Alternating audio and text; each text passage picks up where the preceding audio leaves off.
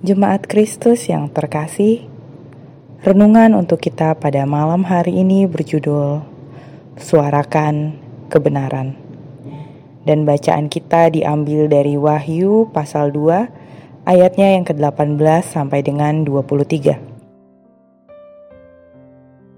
Beginilah firman Tuhan.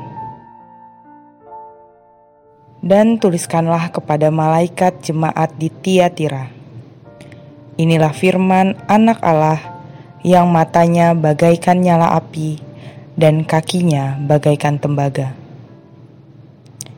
Aku tahu segala pekerjaanmu, baik kasihmu maupun imanmu, baik pelayananmu maupun ketekunanmu.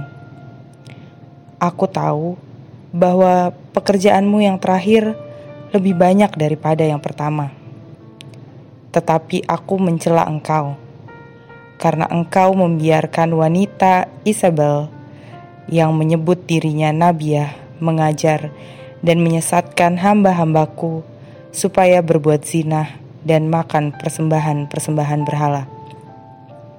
Dan aku telah memberikan dia waktu untuk bertobat, tetapi ia tidak mau bertobat dari zinahnya. Lihatlah, Aku akan melemparkan dia ke atas ranjang orang sakit, dan mereka yang berbuat zinah dengan dia akan kulemparkan ke dalam kesukaran besar. Jika mereka tidak bertobat dari perbuatan-perbuatan perempuan itu, dan anak-anaknya akan kumatikan, dan semua jemaat akan mengetahui bahwa Akulah yang menguji batin dan hati orang dan bahwa aku akan membalaskan kepada kamu setiap orang menurut perbuatannya. Saat Pilpres beberapa tahun yang lalu, ada seseorang yang mengatakan, "Sebuah negara bisa hancur bila orang-orang benar diam dan membiarkan orang yang rakus berkuasa." Perkataan ini, kalau kita telisik lebih dalam, sebenarnya mengandung makna bahwa kehancuran sesuatu bukan hanya karena ulah iblis dan orang jahat. Di dalamnya juga ada tanggung jawab orang-orang benar yang hanya berdiam melihat kejahatan dilakukan. Jemaat di Tiatira mendapat teguran Allah karena membiarkan Isabel menyesatkan banyak orang percaya. Dan terlebih orang yang mengetahui siapa Isabel hanya diam dan tak bergeming.